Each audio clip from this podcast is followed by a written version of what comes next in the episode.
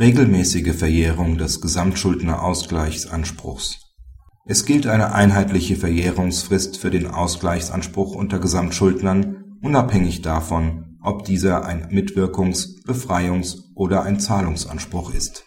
Die Klägerin eine Haftpflichtversicherung eines Architekten macht aus übergegangenem Recht gemäß § 428 Absatz 1 BGB Ausgleichsansprüche gegen den Beklagten, einen Werkunternehmer, geltend. Für Baumängel waren beide dem Bauherrn gesamtschuldnerisch schadensersatzpflichtig.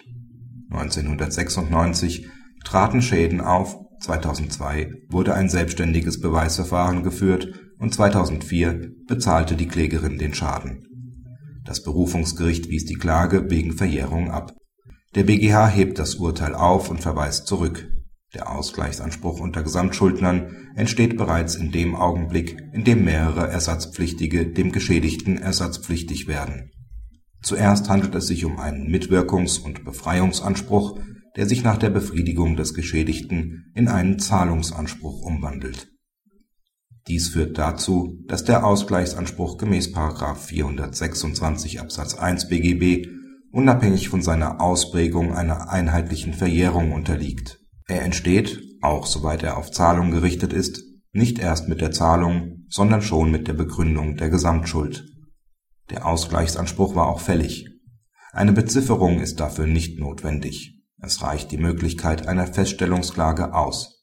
Gemäß § 199 Absatz 1 Nr. 2 BGB beginnt die Verjährung mit Kenntnis oder grob fahrlässiger Unkenntnis von den den Anspruch begründenden Umständen und der Person des Schuldners dies ist bei einem Ausgleichsanspruch gemäß § 426 Absatz 1 BGB die Kenntnis von den Umständen, die einen Anspruch des Gläubigers gegen sich selbst, demjenigen, die das Gesamtschuldverhältnis sowie denjenigen, die im Innenverhältnis eine Ausgleichspflicht begründen.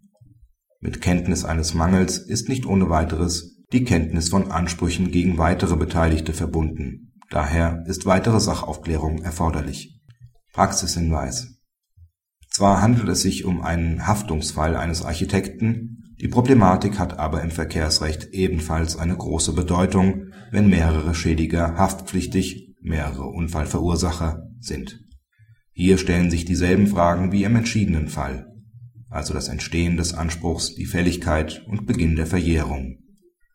Bis zur Neuregelung des Verjährungsrechts waren Fragen der Verjährung des Ausgleichsanspruchs unter Gesamtschuldnern praktisch kein Thema dies hat sich im Jahre 2002 damit, dass die regelmäßige Verjährungsfrist von 30 auf drei Jahre verkürzt worden ist, geändert. Das Urteil verdeutlicht, dass die Verjährung früh beginnt, insbesondere nicht erst mit der Zahlung eines Gesamtschuldners.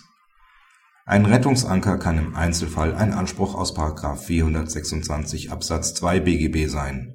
Hiernach geht im Umfang der Zahlung auch der Anspruch des Geschädigten gegen den weiteren Gesamtschuldner auf den zahlenden Gesamtschuldner über. Häufig hilft dies aber auch nicht, da dieser Anspruch ebenfalls verjährt sein wird. Zwingend ist dies aber nicht. So können zum Beispiel in diesem Verhältnis Hemmungstatbestände gegeben sein. Im Verkehrsrecht ist insbesondere § 115 Absatz 2 Satz 3 VVG Stand 2008 von Bedeutung. Danach ist der Schadensersatzanspruch mit der Anmeldung bei dem Versicherer bis zum Zeitpunkt gehemmt bis der Versicherer in Textform entscheidet. Die Anforderungen der Rechtsprechung an diese Entscheidung, also positiv oder negativ, sind hoch. Sie muss eindeutig und unmissverständlich sein